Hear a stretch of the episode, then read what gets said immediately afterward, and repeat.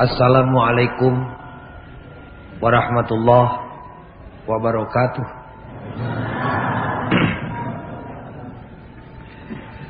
Innal hamdalillah usalli wa usallimu ala Rasulillah Muhammad ibn Abdullah Ashhadu an la ilaha illallah wahdahu la syarikalah wa ashhadu anna Muhammadan abduhu wa rasuluh Ayuhal hadirun ittaqullah haqqa tuqatih wa la tamutunna illa wa antum muslimun.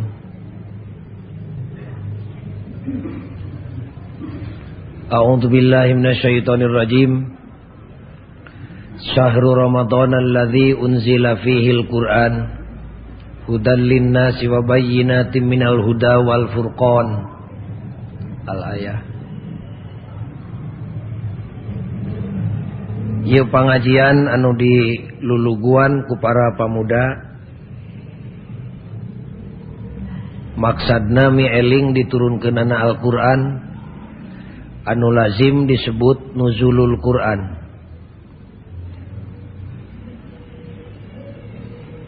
Maksudna rek ngaweuteuhkeun deui kayakinan urang kana Quran. Maksudna deui reksa sonoan Day urang jeng Quran. Ngarah hirup teka langsu di alam dunya supaya papangi jeng kabungahan di dunia jeng di akhirat. Maksud nukatilu rek diguar sabnyeren eusining usining Alquran malak mandar urang uninga kana agung na Quran. Sugan di mana geus apal agungna Quran urang moal ngamomorekeun kana Quran. Da loba jelema nu teu hayang ngajenan kana Quran teh lantaran teu uninga kana agungna Quran. Ngan eta kaagungan teh moal katemong lamun urang teu lalajo kana perkara nu teu Agung. Mual katingali alusna baju wol lamun urang can ngarampa siga kumaha kasarna balacu. Moal karaos nikmatna beas cianjur mun urang can ngajaran nuang beas subang.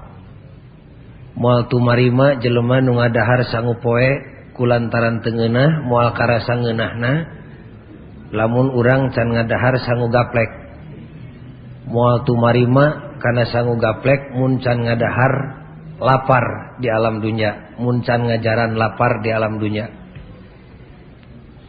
Mual nyaho karena agung na Quran lamun tenyaho karena perkara nute agung salianti Quran. Mual uninga karena bager na pangeran munte uninga karena jahat na setan. Mual ngahargaan lalaki kapamajikan nuparawan tea muncan ngajaran sare jeng rana.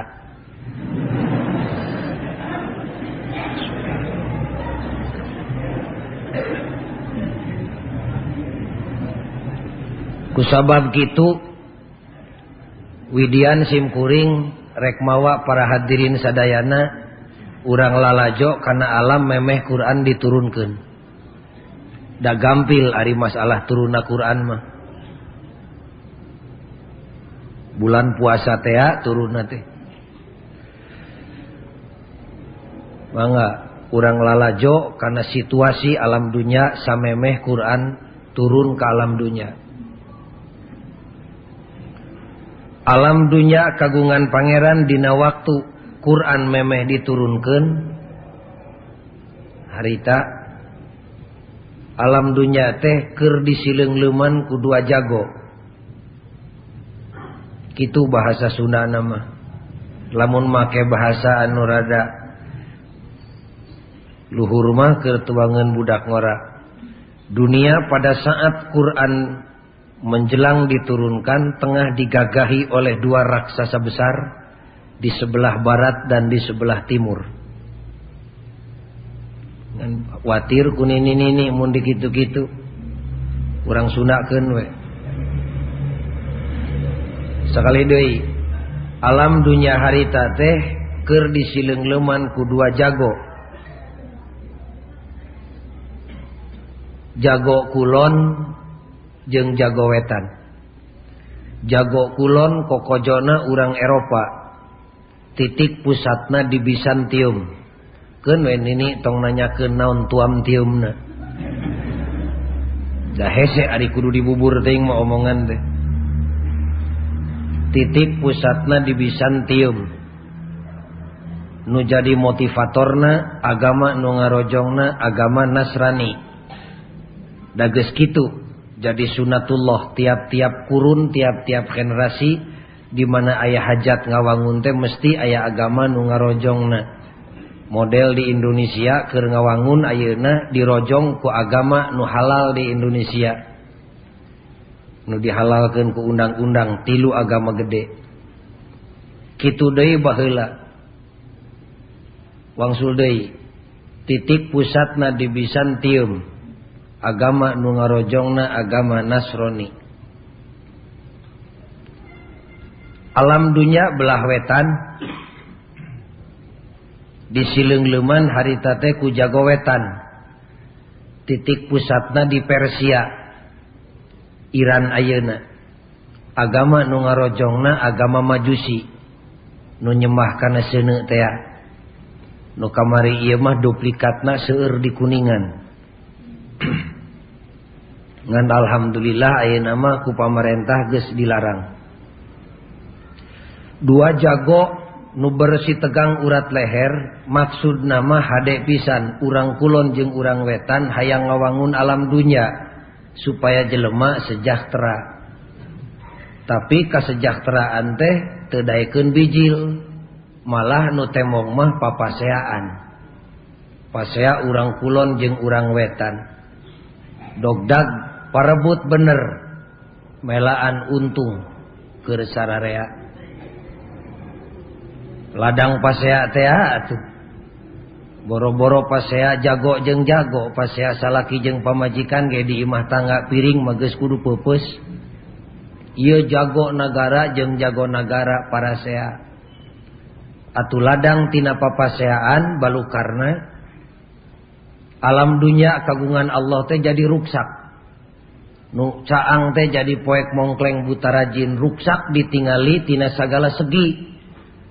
Ditingali tina segi keimanan tauhid. Jelema nu iman ka Allah nungan hiji-hiji nate jadi paburan tak tungtung nak musyrik meh sararea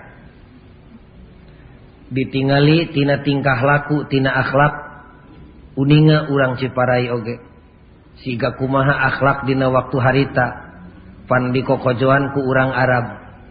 Indung teh tepi ka dijual belikeun anak awewe tepi ka dipencit. Ditingali tina segi ekonomi nu benghar makin benghar nu miskin tambah sangsara. Ladang tina papaseaan kitu dina alam baheula. Tadina saat nu poek seperti kitu ku Allah dibejaan ka Kangjeng Nabi dina sabadana Zaharul fasad fil barri wal bahr. Timbul karuksakan di darat jeng di lautan hasil olah peta manusia. Bima kasabat aidinnas kuno paling termah dina alam harita teh disebutna abad kegelapan.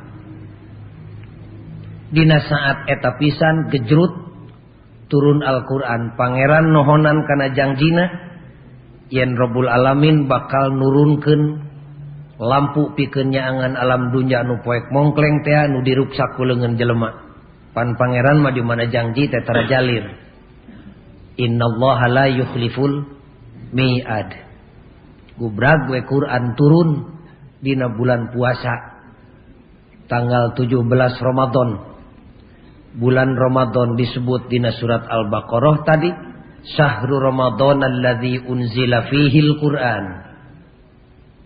Tinggalian surat Al-Baqarah anapun ngeunaan tanggal turunna Quran dakang jeung Nabi teu uningan da lain tukang nulis tanggal sabaraha Quran turun cek sahabat Nabi calik teu ngawaler gejrut turun deui jawaban ti pangeran dina surat Al-Anfal. ayat 40 hiji tinggalian yen Quran teh diturun ke nana yaumal takol jaman.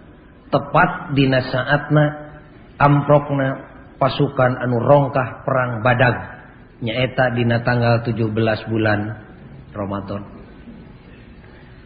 Sakitu-kitu na dan nuzulul Quran mah.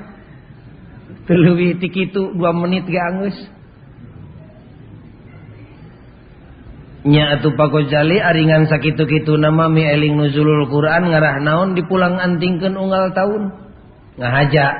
Maksudna nu tadi teh rek ngaweuteuhkeun kayakinan jelema. Ka Allah jeung kana wahyuna nu kadua rek nyaangan alam dunya nu keur dieusian ku jelema. Bisi poek mongkleng jelema bisi titatara jong hirupna. Sugan we ngalangkungan ureyan para mubalik. nu kalangsu jadi teu kalangsu nu bengkok sugan jadi lempeng nu poek sugan jadi caang nu susah sugan jadi bunga. Hadirin kaum muslimin anu disebat kusim kuring tadi teh lalakon bahela 1400 tahun kirang langkung.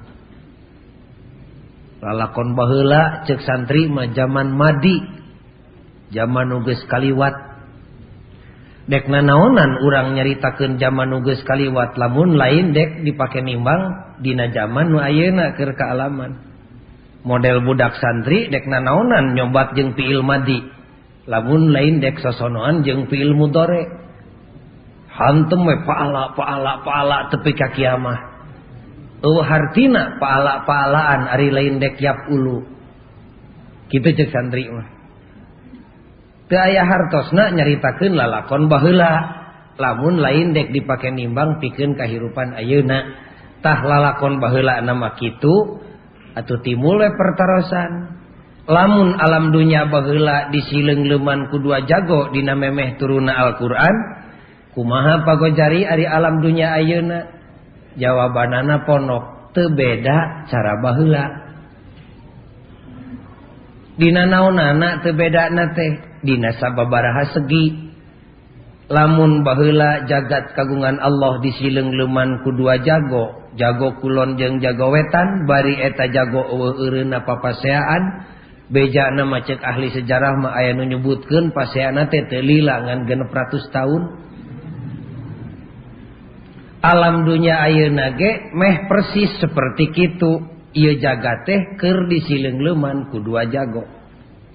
eta sami nanti lamun pala jago kulon jeung jago wetan alam dunya ayo nage ker disileng leman ku jago kulon jeung jago wetan.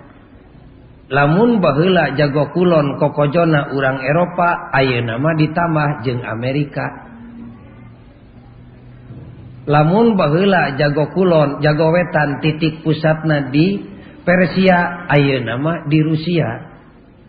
jeng di negara-negara nunganut turnu tunuk kamanehanana. Lamun jago bahla eureuna papaseaan jago ayeuna ge teu tepati benten resep papaseaan jago kulon di kokojoan ku urang Eropa jeung Amerika nya imperialis nya kapitalis. Ah ngewa tong dilus-las-lisisnya siga politik jago kulon ayeuna teker disileng leman ku urang kulon kokojona urang Eropa jeung Amerikan. Gitu cokolot baheula. Ari imperialis jeung kapitalis jelema nu resep kiih dina sirah batur. Peda hirupna bala leunghar Ari jago wetan keur dikokojoan ku urang Rusia nya komunis nya imperialis. jelemak tepati Benghar ngan resep ngising Dina sirah Batur. Sarua we Dina hianat nama. Pedah urang kulon bala lenghar ngan resep ngajajah negeri Batur. Urang wetan jelemak tekasohor Benghar ngan sarua resep ngajajah negara Batur. Lamun bahela urang kulon papasean jeung urang wetan alam kiwari ge sami. resep papaseaan malah jago nu aya nama ayah luwihna dimana paseate tara diimah sorangan tapi sok ngadon kalemur batur. Model ibu rek pasea jeng bapak cek ibu teh entong diimah bapak bapana bisi pepus piring hayu urang ngadon ka imah RT gitu jago nu ayeuna mah. Tara pasea di negara na ngadon kalemur batur. Geletuk ibu pasea di Baital Muqaddas di tanah suci nu Allah di Israel. Geletek pasea can lila? Tapi kaki wari teh kurang lebih karek 35 tahun. Tapi karata lemur batur dipakai pasea can beres pasea didinya pindah ke belah kulon ke Afrika kalau mur Muhammad Ali Afrika teh tempat ganas teh gini kolot baheula Ari papang ijeng ganas badak teh bah itu ganas mana? Ganas Afrika. Padahal melak nama di Cikoneng. Dah gitu watak orang Indonesia nutup boga ilmu jeng ipis iman teh. Di mana hade sok disebut tilemur batur di mana goreng tilemur serangan. Segala teh ti batur we aya ganas badak ganas mana? Afrika. Cau rangaek cau mana? Iyo Australia. Gitu. Ayah rambutan alus mana? Iyo Aceh. Rambutan anaknya hasum nyarapet di mana? Iyo Magung. Gitu.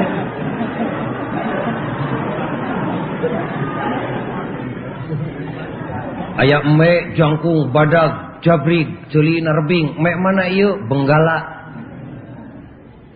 jol mek penek pewak budug di mana iya? Cipeujuh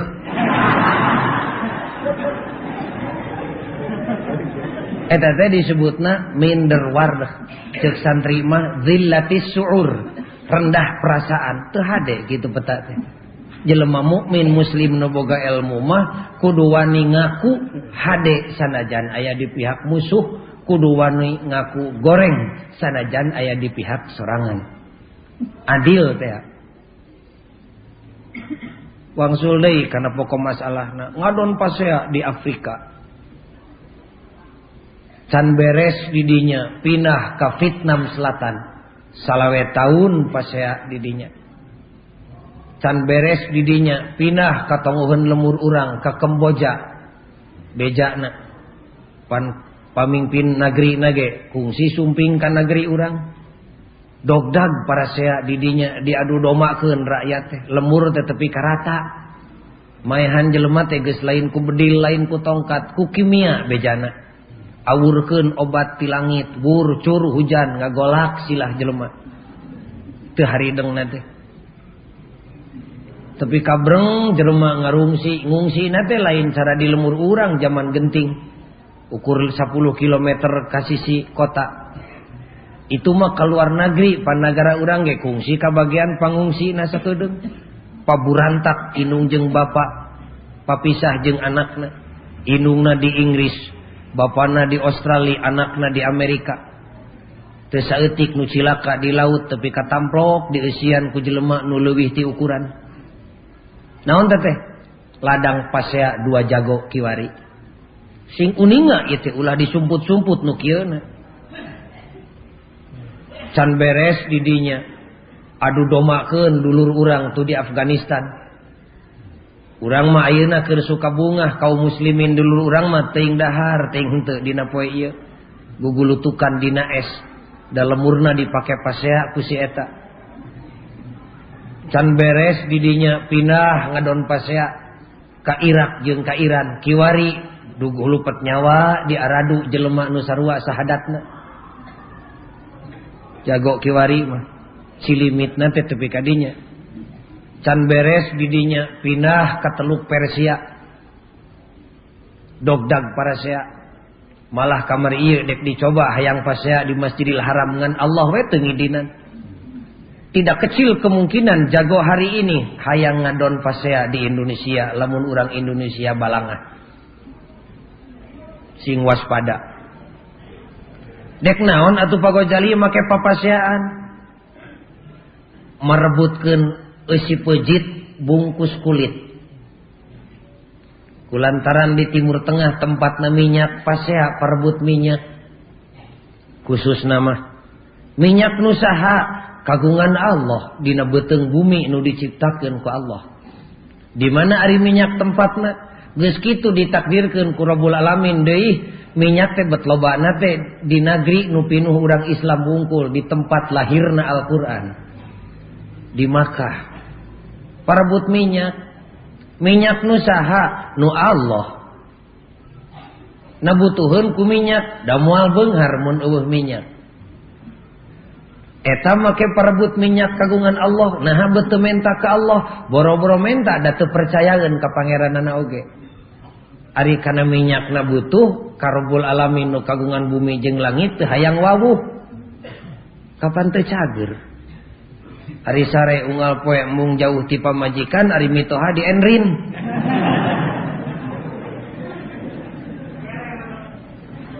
Siga hayam lisung teh hayam lisung pan sok ngahakanan telihnya. Telih teh pan gudang dahareun gara pek tinggal hayam lisung kecok-kecok kana telih atuh telih bolong mah pae. wawuhun ke pangeran mah. Cara jelema di urang we ayeuna ampir katepaan kulaku gitu teh. Di Bandung ayeuna jelema teh uh da kitu ciri maju ka modern teh jelema teh beuki betah di alam dunia teh. Mung balik kana asalna teh paeh teh pada mung di mana sagala babari teh. Galingging panas tiris meusan geus buru-buru ka dokter pan. Malah di Bandung mah ayeuna teh keur usum olahraga kolot budak. Nini nini tengah rabul ke jalan. Tabuh tilu subuh tete duka ada di Ciparai mah. Kawasna lebih tihela di dia memang di I lain nyarek olahraga pek bae olahraga mah dianjurkan ku syariat Islam ngan kade ulah boga pamadagan dan olahraga terek manyang-manyang umur. Lain da umur malain olahraga olahraga mah ngadua ku bentuk fisik. Dada harga lain dek manyangan umur ngadoa ku bentuk dahareun muga-muga dahareun abdi sing jadi sabab abdi jag-jag. Kade tauhid dia makanya yang ciparai mah gudangna ilmu tauhid di baheula. Kade nini nini tengus rabul make celana nu dipelat bodas koneng hejo teh naon? Naon ngaranna teh geuning nah eta tung nung nang ning ning gitu gini. Training training. Nya ari marurang kali nu anoma pantes make celana nu rada nyepet. Ari nini nini mah. Aduh. Kabina bina da puguh imit lagi geus pahili jeung jarami nu menang moe atuh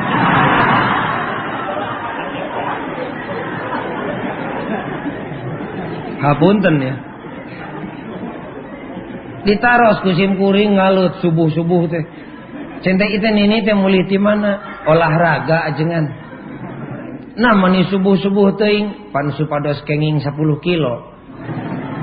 Cinta nuhun atuh. parantos salat subuh. Ente.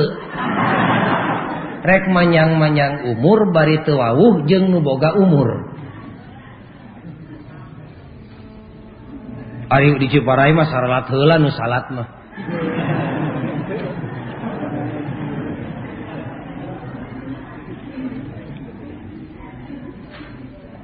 Kade bisi bisi lepat tanggapan majar simkuring nyarek olahraga.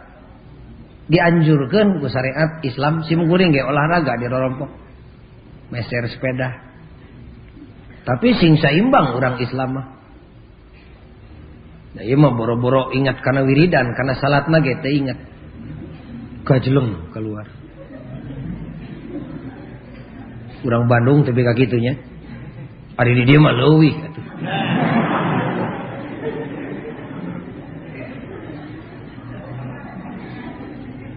tah alam dunya ayeuna nage kitu. Di usian di siling leman kedua jago jago na papasean eueuh eureuna malah pasean nage sok ngadon ka lemur batur. Di naraga ieu pisan panginten. Pamarentah nganjurkeun awas ketahanan nasional awas ketahanan nasional. Urang mah di jero masjid lamun sieun ku panyakit ibu sieun asup angin awas sing tahan awakna teh. Teh sing kuat. Sing cekap dahareun sing cekap pakeun sing cekap inumun sing cekap gizi jeung vitamin ngarah penyakit teu asup. Lamun bangsa Indonesia tahan sagalana tahan ekonomi na tahan mental attitude na tahan akhlakna tahan akidahna tahan keimanan anak tahan ibadahna tahan hirup umbuhna rukun damai kumerep ke Allah. Sareneuk saigal sabobot sapihanean. Rek siga kumaha jago kulon jeung jago wetan ngagoda orang Indonesia moal kagoda ka jelema tahan mah. Da panyakit sok eunteub soteh kanu awakna teu kuat. Lamun awakna kuat mah moal keuna ku panyakit.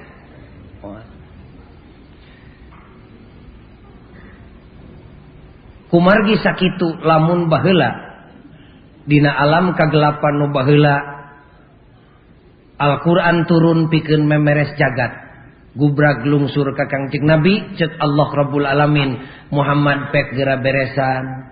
Jagat nu kami nu menang kami nubareto beres pingenahan jeng pigenahan ke manusia Ayeuna jadi ruksa. Pek beresan ku maneh. Kunaon Gusti meresan anak I ti kami alat-alat keur meresanana Al-Qur'anul Karim.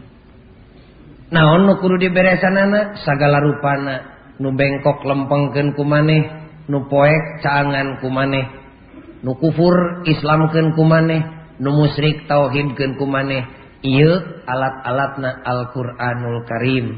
Yete hidayah ti kami pek tuduhken jelema, terangkan eusina naku maneh contohan migawek na ku maneh. Cek pangeran teh. Sadaya ti mana ka mana Gusti? Anu kedah diomean ku abdi teh. Sing emut ibu. Ari Nabi teh lain Muhammad Rasulullah wungkul seueur. Ti mimiti aya jelema di alam dunia teh bejana Nabi teh. Aya 124 ribu Nabi teh. Tugas pokokna mah sami dititah memeres jagat nuruksak ku jelema teh anu beda teh naonana hiji waktuna nu beda teh. Kedua teritorialna. Wilayahna daerahna garapanana nu beda teh. Sabab baheula teh aya nabi nu tingkatna nasional aya nabi nu regional aya nabi sakampungeun. Baheula teh aya nabi sanagriun aya nabi sa RTeun aya nabi sa imahun ngeunahnya jadi nabi sa imah gawe tepati loba buruhna gede. Cek Nabi Muhammad di mana ka mana anu kedah didang dosan ku abdi teh alam teh Gusti tong lega-lega teuing keur maneh mah Muhammad da kami teh teu nyieun deui nabi nabi maneh teh nabi panutup pek beresan jagat nu kami teh kumaneh sumun di mana ka mana tong lega-lega teuing ti wetana semet paranti bijil panon poe ti kulona semet paranti surup panon poe itu kanjeng nabi. Bejaan tak kabar udah. Nusok nyebutkan oh agama Islam etama agama urang Arab dan Nabi Muhammad lagi urang Arab. Pangbejaankan kunininya Nabi Muhammad mah pagaweanana teh tiwetana semet paranti bijil panon poe tikulona semet paranti suruh panon poe. Ari senjatana Al-Qur. Wama arsalnaka illa kafatan linnas.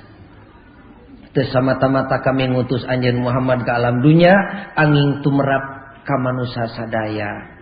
Kuma Gusti ari jelema anu ari makhluk nu aya di luaran dunia sanajan teu kadatangan ku maneh bakal kaambung seungitna jeung hikmat rahmatna maka tarima wa ma arsalnaka illa rahmatan lil alamin. Beresan we ku Kangjeng Nabi teu lila 23 tahun teh rengsek beres roes nu susah jadi bunga nu miskin jadi standar nu beunghar jadi eling nu mukmin nu muslim jadi tauhid. Kumerem karobul alamin. Beres. Kangjeng nabi ayeuna geus eueuh tinggal urang umatna kapalang jeblog urang teh geus iman ka Allah jeung ka rasulna dabongan geus sahadat. Ku sabab sakitu pagawean kangjeng nabi meresan alam dunya teh tepa ka jelema nu geus sahadat teh aya dina taktak kurang numatat boga ilmu teh disebutna ahli waris Kangjeng nabi lain narima warisan sawah narima warisan gawe. Sumun pagojali engalken kedakumaha atau Ari manusia ayeuna khususna umat Kangjeng Nabi Muhammad. Awas Mun bareto eta pagawean teku Pangeran ditugaskeun ka Kangjeng nabi. Ayeuna nabi na geus teu aya di kieuna atuh tugas nabi teh pindah kana taktak urang. Ayeuna mah urang. nu kudu memeres jagat teh nu pasea wae sina eureun ulah para seha beresan ku urang alatna Alquran. Nu bengkok lempengkeun ku urang alatna Alquran.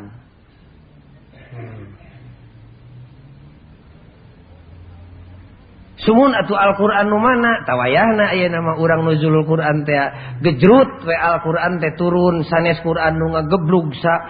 tilupuluh juz turuna dina tanggal 17 Ramadan teh. Pada uninga dari dia ge pasantren malah nu hadirna ge itu santri unggul nu santri mah. Surat al-alaq teh nu mungaran mah pada apal sadarea gejrut weh cek robul alamin teh ka kangjeng nabi. Ikro baca kumaneh Muhammad. Naon gusti nu kudu dibaca teh? Da urang ge lamun dititah teh pan nanyakeunnya. Titah teh baca naon nu kedah dibaca ku abdi. Pek di mana jelema dititah pasti nanya kanu nitahna tentang sistem dan metoda serta teknikna. Model bapak nitah ka putrana, gerak kawin sia ka saha? Pan kitu meureun. Pek geradahar jeung naon. Nyai balanya ke pasar, meuli naon. Setiap dititah pasti nanya. Mun maka urang Ciparai ka para santri Ikro baca kumaneh. Naon Gusti nu kudu dibaca teh? Numutkeun tafsir sepakat ahli tafsir nu kudu dibaca teh ayat-ayat Allah. Baca ku anjeun ayat-ayat Gusti Allah. Tabareto mah eta ayat teh ka Kangjeng Nabi ayeuna mah ka urang. Baca Muhammad ku anjeun ayat-ayat kami. Ayeuna ka urang baca urang Ciparai ayat-ayat kami. Naon ayat teh? Tanda ayat teh. Ciri. Simkuring gaduh tatangga kabungkur. ayeuna geus pindah ka Cicalengka. nembe diajar salat ayam berhenti lu bulan mah. Giridig tengelek Quran karo rompok. Bari asak raraina. pagojali bohong ajengan TKB oge. Cenah aku mah pak. majar Quran genep ribu, genep ratus genep puluh genep ayat. Bapak meyaken waktu sebulan milang ayat Quran. Ternyata Quran teh lewih ti genep ribu, genep ratus genep puluh genep belenong. Damarukan ayatin ubaluner teh dina Quran merenya Alhamdulillahirabbil alamin belenong. Ar-Rahmanir Rahim belenong. Merukan eta meren eta oge ayat hartina ayat teh ciri. Tanda. Ayat-ayat Allah teh tanda-tanda keagungan Gusti Allah. Baca ku anjeun tanda-tanda keagungan Gusti Allah. Ayat-ayat Allah. Naon atau tanda keagungan Gusti Allah teh? Naon atau ayat Allah teh? Sagala nu aya ge ayat Allah. Kapan kaum ibu ge ayat Allah tanda keagungan Allah? Wa min ayatihi an khalaqalakum min anfusikum azwaja. awewT tanda keagungan Allah diciptakeun anak teh diciptakeun anak ge tanda keagungan Allah. Ku agungna Allah jadi awewe, jadi lalaki. gunung ge tanda keagungan Allah. Suur ayat Allah teh. Hese di bilangan hiji-hiji mah beak waktu. Urang nyalindung we karena keterangan ulama gede mutaakhir. Profesor Dr. Muhammad Saltut Rektor Universitas Al-Azhar ngabagi ayat Allah teh dibagi dua baca cek Allah ayat kami ayat nu mana dibagi dua kahiji ayat Allah nu tertulis Al-Quran ngarana. Baca Quran. Quran dibaca. Dibaca ungkul. tenyaho hartina asal iman pan ibadah. Sok loba jelemanya nu tarik teh ngomong teh ari maca Quran teh nyawa kana hartina mah sarua jeung monyet ngagugulung kalapa ulah kitu istighfar deui tah. Boro-boro macana ngadengekeun geus aya hartina ibadah. Eta teh bakat tingku keheul mupus keuyang eta teh. Dina zaman kiwari jelema sing arelik maca Quran ngan ari usum di guar eusina teh hayangeun. Bakat tingku keheul nanaonan sia kikituan. Kitu eta teh. Tini mah ngecerit nyeri cangkeng teu bebenangan mah. Molor we sia. Model kitu kira-kira. Eta teh.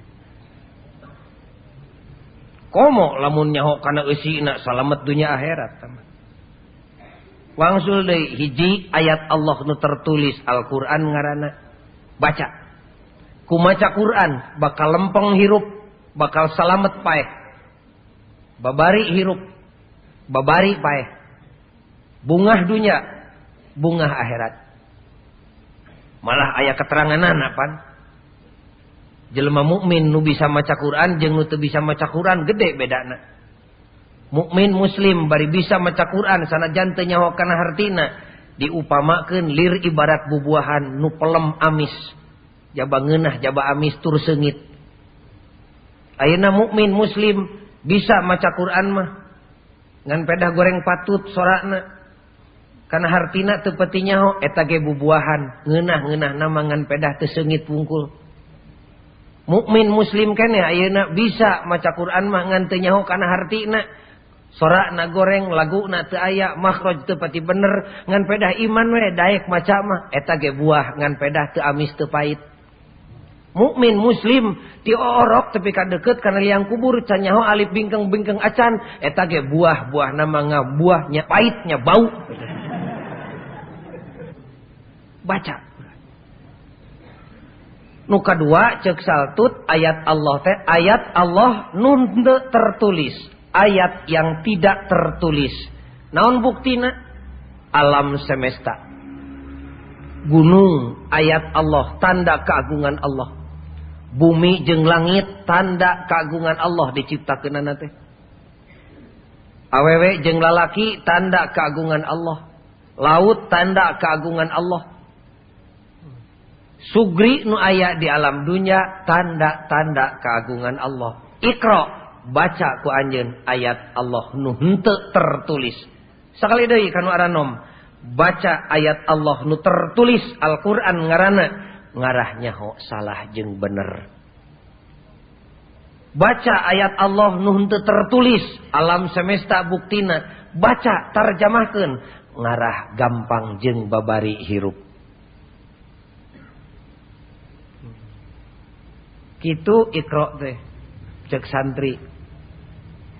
Ari alam dunia kagungan Gusti Allah teh ibu, teh iya iya jagat teh. Ku jelema dibagi dua. Di garis ku jelema teh garis teh garis ilmu we. Disebut teh garis na garis hatul istiwa. Dua manusia nungesian alam dunia teh manusia anak incu Nabi Adam belah kaler kokojona Eropa jeng Amerika teh anak Incu Nabi Adam nungesian alam dunya belah Kidul di kokojoan ku urang Asia urang contohna Kitu ditakdirkan ku Allah di alam dunya teh.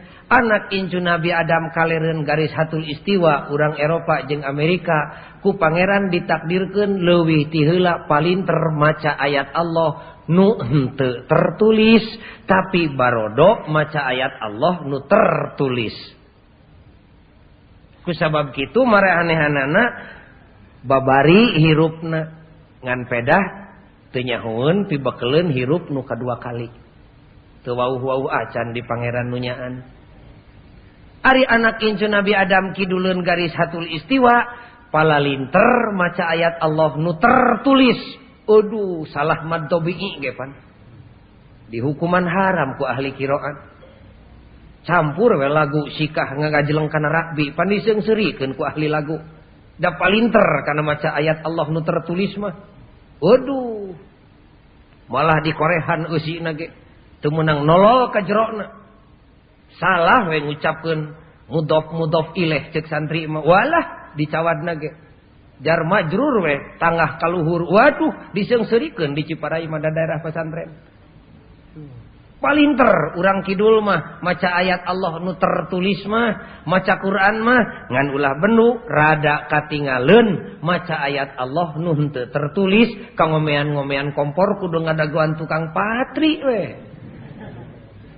eta nu jadi masalah teh. Ku urang kaler mah ieu pamuda dibaraca alam teh.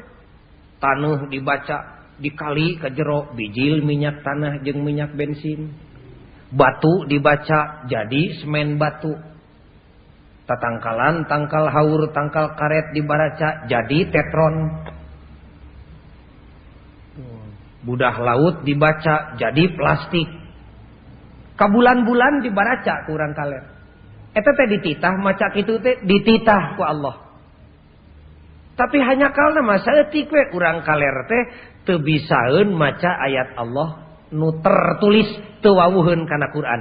Ari urang Kidul nyobat jeng Quran ngan tewawuh karena ayat Allah nu teu tertulis. Banjir ge pan urang hese ngomeanana.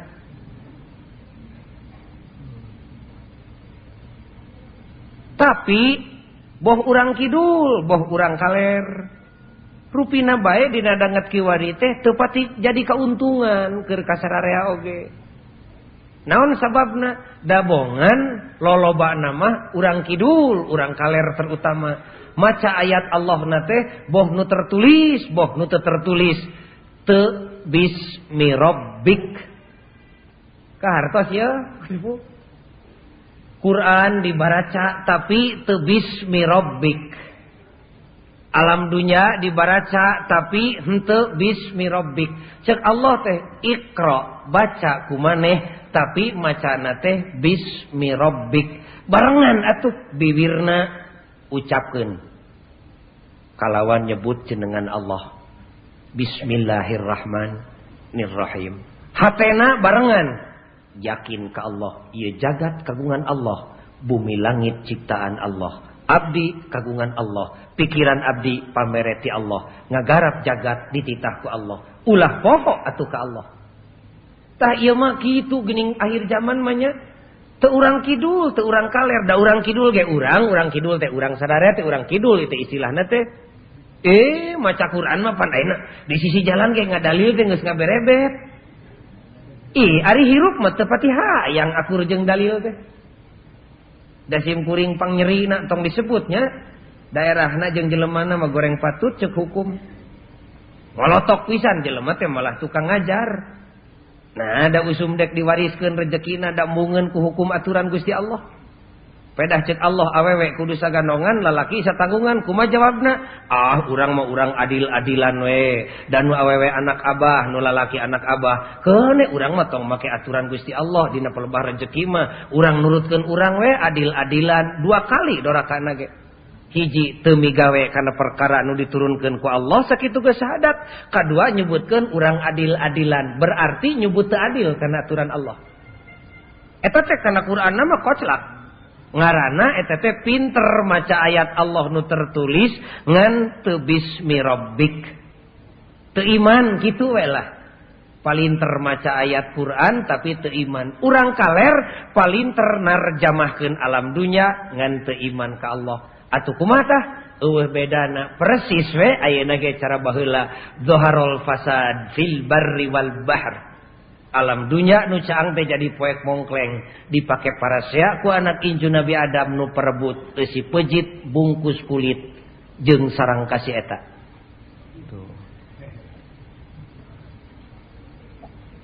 Dina kesempatan anu mulia iya tong pawas-pawas nu dibahas kusim kuring taya kajaba iwal tingajak. Malah kapungkur kantos diri disebatkan di mana alam gesarigi jeung alam memeh Quran dilahirkan bahula buru-buru gera salametkeun diri aranjen kabeh.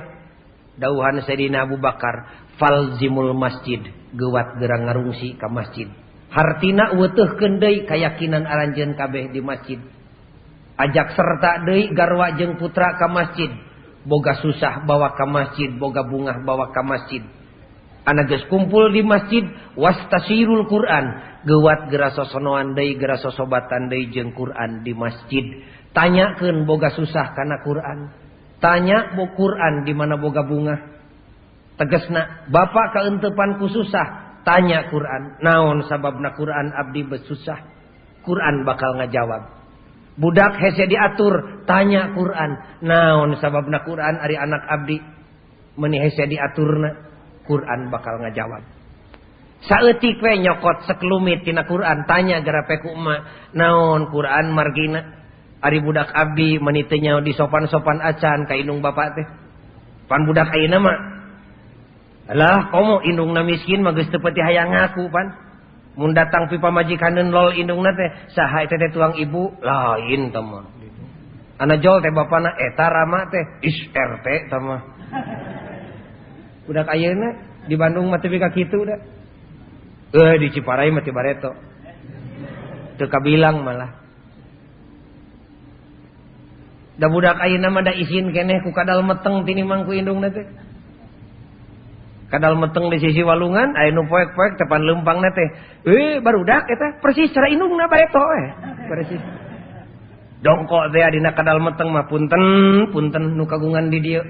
Nanu si eta gitu. Badai ngalangkung manipu puntenan da sieun nyeureud meureunnya ngalangkung kana pangambung ibu nama i di lengkahan we. Padahal nu bakal nyeureud mah kadal meteng indungna kasinggung we ku anakna tong ngomong ta ibu teh. Celak we cipanon sakecelak harita kene kontan tinggal geura dagoan we iraha laknat Allah dek ditarima ku anakna Pek tanya Quran naon ari anak abdi pangna kitu Gusti? Ngajawab Quran. Innama amwalukum wa auladukum fitnah. Minta tanggung jawab fitnah teh. Ibu jalinger isan mengurus putra da rugi tujuh likur kali atau ibu. Di alam dunia gerama nggak urang emut. Urang nyanak satu aspek we pagawean kangjeng nabi teh memeres anak we hilain nama tuh da capek memeres jagat nu lega nama. Da rugi tujuh likur kali kagungan putra ayeuna. Lamun tegewat ku ibu disalametkeun dibawa serta ke masjid bari diwawuhkeun kana Quran. ibu ngagegenol putra salapan bulan lilana. Ku Allah tepika disebutkan wa wasainal insana biwalidayhi hamalathu ummuhu wahnan ala wahnin. Aduh glajer inung maneh teh.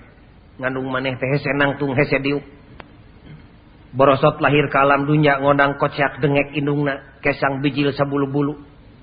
Tengah nang paeh disebut nagepan ngajuru. Gubrak di alam dunya wa fisoluhu fi amaini. dua tahun Cipinarep ibu teh disadap ku putra teh. Tapi ka hese kulem hese barang tuang. Gede mengisanku gedena ibu nges diserang dari pikiran kumaha nyunatan anak. Disunatan ku disunatan anak ibu mikir kedua kali nak kumaha nyakolakeun anak.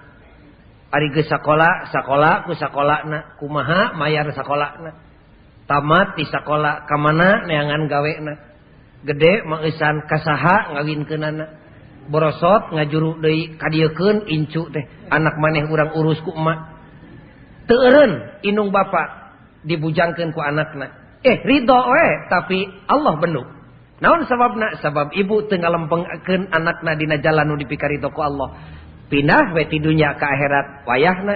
Di alam dunya ibu dihesekeun ku anak jeung ku incu. Di akhirat dijejek bujur inung bapana kana neraka Allah. Oke bakal kapangih ayah hiji katerangan. Tilu jelema dicalonkeun eusi calon eusi neraka. Sajelema nu dicalonkeunana nama. Oke dina panto hisab.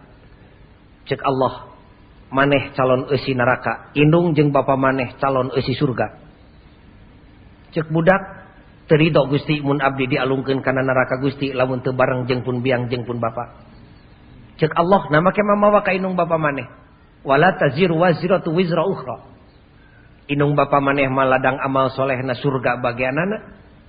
Maneh ladang amal salahna neraka cadanganana kumaha cek budak, abdi gusti sadar. Abdi ge calon eusi neraka telantaran abdi di dunyana pinuh ku amal salah. Ngan gusti langkung uninga salah na jisim abdi telantaran abdi teu terang soleh. Tenyahona abdi kana soleh lantaran pun biang jeung pun bapa. can sakali-kali acan nuduhkeun soleh kajisim abdi. tepira ukur ngesian beteng Abdi we jeng nyalamatkan Abdi bisi dihakan angin.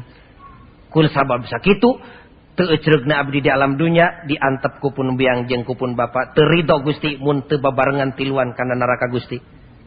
Panjeng indungna nganter kana neraka. Jeng bapana jadi pangjajab darugi. Mengpeng cantepi kadinya. Bismillah ibu. Sanes pribados nyarek kaum ibu kaum bapak tong nyalamet kenting dengan-dengan entong. Sanes gitu sanes. naon atuh urang ukur we karena tanaga urang? Urang berjuang di imah urang we meresan putra meresan garwa ngageing caroge. Beresan. Tayena mengpeng sasi siam da babari ngadidik anak teh ari make ilmu mah. Babari bulan puasa teh cek ahli pendidikan mah tas ibadah teh masa peka. Masa nu paling hade keur ngadidik budak. Giringkeun budak teh ku ibu teh. nunggus rada dewasa mangisan teh ka dia ujang nyai ka dia urang bareng yap buka jeung emak jeung abah. Peperiheun di luar bulan puasa teu bisa. Peksina ngaberes. Pisahkeun ta keur bapak teh bu. Gelas teh anak teh ulah sina kumawani karena gelas paragi bapana teh. Ima paragi bapa maneh iya paragi maneh. Sing singkil hidung teh ibadah teh teh naon teh maca ayat Allah teh nu tertulis jeung nu tertulis. Tak iya gelas haturan bapak taykir maneh ieu keur nyai iakirnyai keur ujang. Ulah sing lalejeg cicing sing sopan. Gorowok adan kakara komano ku bapana. Ulah ngahuap paheula-heula sok kurang bareng ujang bismillahirrahmanirrahim. Allahumma lakasumtu wabika amantu wala rizki kaftortu amdahar jadi kulit jadi daging. Beres tajil enam urang salat ujang. Pek adi maneh tupang wuduan ken pingpin ku maneh tuduhkan bisi salah ngumah lengena. di sampingan anakna. Sina make kampret Sina make kopeah. Lain wajib pakai kopeah ngan kitu sopan keur urang Indonesia. Indungna make mukena amparkeun sajadahna sajadah namun boga. Ken we magrib tong di masjid urang berjamaah di dewe ujang bisi kabru lapar. Amparkeun samatna gorowok adan ku anakna nupang panggedena geus salat sunat kakara gorowok komat ku pamajikan ku indung barudak. Gerape rawaskan ku bapak dipangkomatkeun ku pamajikan. bumi langit asa nu sorangan pakir nu imam. Sora pamajikan qad qamatis shalah qad qamatis shalah. Nikmat kadengena ieu mah kaalaman ku simkuring dipangadankeun ku anak dipangkomatkeun ku pamajikan. Aduh luar biasa. Direret teh ka tukang siga widadari raraina teh. Nyak celakan sabulu-bulu teh. Irung nu deme teh kontan ngajangkungan. ngabengbreng anak nu awewe dibelah kenca dihalangan ku indungna tengahen. Salaki dina tukangen persis anak nu lalaki dibelah katuhun bapakna Allahu Akbar. Karasa agungna Allah tengangkatkan leungeun ruku bareng sujud bareng ngadua di aminan didukungku anak jengku pamajikan. Robbana hablana min azwajina wa dzurriyyatina qurrata a'yun. Waj'alna lil muttaqina imama. Cek salaki kumaha cek pamajikan jeng cek anak. Amin. Ya Allah kabulkeun doa Bapak Abdi Gusti. Kakara beres. Tong kadar dages tajil. Nying harap salaki ke pamajikan. Nu dipingpin ku indung teh anak tengah beng-breng caroge bapak nying harap kabelah wetan. Ibu jeng putra nying harap kabelah kiblat. Tong ngomong kedepruk bari make mu kena. Ibu nyuuh kana lahunan carogena pok ngomong metode persuasif ngarana. Lisanul hal syahidan. entongku omongan nyuuh kana lahunan caroge. Teu bisa ngomong mah teu bisa pidato. Tak celakeun cimata kana lahunan salaki. Basehna cimata pamajikan ngabaseuhan lahunan salaki bari hanut. Haneutna cimata leuwih seukeut tinimbang keris nu nojos kana jajantung. Mun bisa pek bari sasauran. Sing tarik ngarah kadenge ku anak. Bapana hapunten abdi. Ti magrib kamari dugi ka magrib nu ayeuna. Rugi temen puasa abdi. Di alam dunia menang lapar di akhirat ukur ti jongklok. Da Allah gemal ngahampura mun jelema teu ngahampura hampura bapana entong ngitung ti mimiti kawin ti magrib nu kamari we dugi ka magrib nu ayeuna.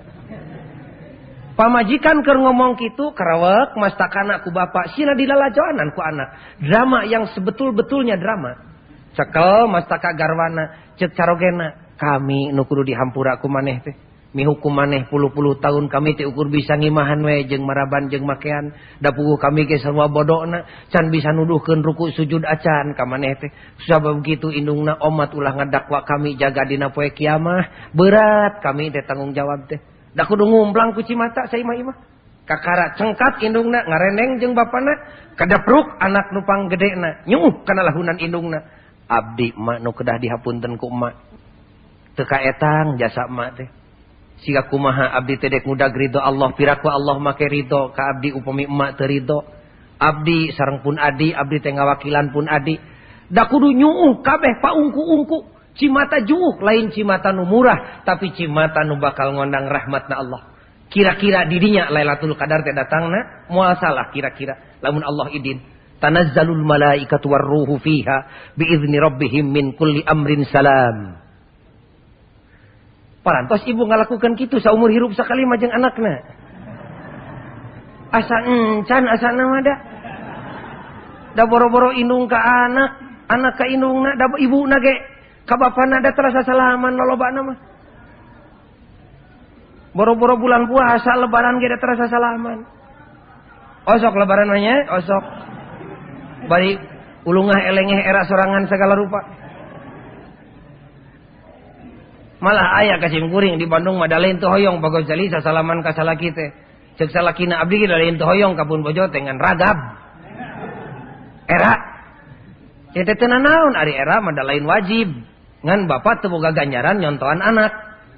Teu naon ngan ulah era wawarehan ari ngajak sare ka indungna teh era ari salaman era. Bet wawarehan era teh. atuhtina nuzulul Quran wengi ieu menang-menang ngadidik anak sugan. Urang sinasa salaman kakara bereng barang tuang. Dek ayah dengena dek eueuh. Nu tartib daharna lain sing jarorowok anak ngeus teh daharna. Ulah sing jaro relat anak teh. Ajenan tuh bapak jeung indung nu kolot teh. Nu huntuna tinggal dua nu daharna hararese. Ulah ditinggalkeun. Malah siap di anak nu awewe mah mawa saputangan. Gigireun gigiran bapakna. Indungna numang miceunankeun runtahna. nu ngadeketkeun gelas keur nginumna anakna nu awewe nu nyekel anu kletikna atawa atau bisi bapak batuk tea bisi nyakslak kesang tea. Tuh. Bisi remeh nanyangsang da diseungseurikeun ku batur mapan anak nu tengenah bapana batuk dages kolot susut ku anak nu awewe. Ya robbana mun aya awewe siga kitu ka bapana kajeun hina? Saya kira dia akan lebih cantik ketimbang bidadari yang akan turun. Barangkali itu sebagai contoh bidadari dunia barangkali. Lebih ti bintang film. Bakal dihargaan ku pemuda. Kajian siga ada pemuda teh tengah hargaan. Jeng tengah nilai awak jeng rupana wungkul. Tapi tingkah lakuna. Tingkah lakuna. Atau apa muda agar pek tungtun bapana. Nu dianggap hina ku batur teh isuk dek jumaah atau dek taraweh ka dia ditungtun disangkeh ku anakna. Nu turun tina mobil bari dasi ngambai tur sirahna pinuh ku elmu. Nungtun bapana nu hina cek batur tea dek tukang macul dek tukang beca ditungtun. Da cacinge bakal nyingkah eraun ku jelemak itu atuh kahayang umat Islam Indonesia teh Gusti heulaanan bisa-bisa ngurus anak. Memeh ngurus anak batur anak sorangan we. Bisi mung kaum ibu doakeun we sim kuring sing bisa ngurus anak sorangan. nyapi aku embung memurnya mata hadir ka dia ge. Urang mimitian enjing pek subuh enjing-enjing cobaan salat bareng jeng bapak. Sareng pek. Malah saminggu sakali mah bapak teh kudu ngahajakeun salat teh ulah. Di masjid wae kudu di imah. Hiji dek kontrol tapi kapelbah mana. Bener jeng salahna salat pamajikan.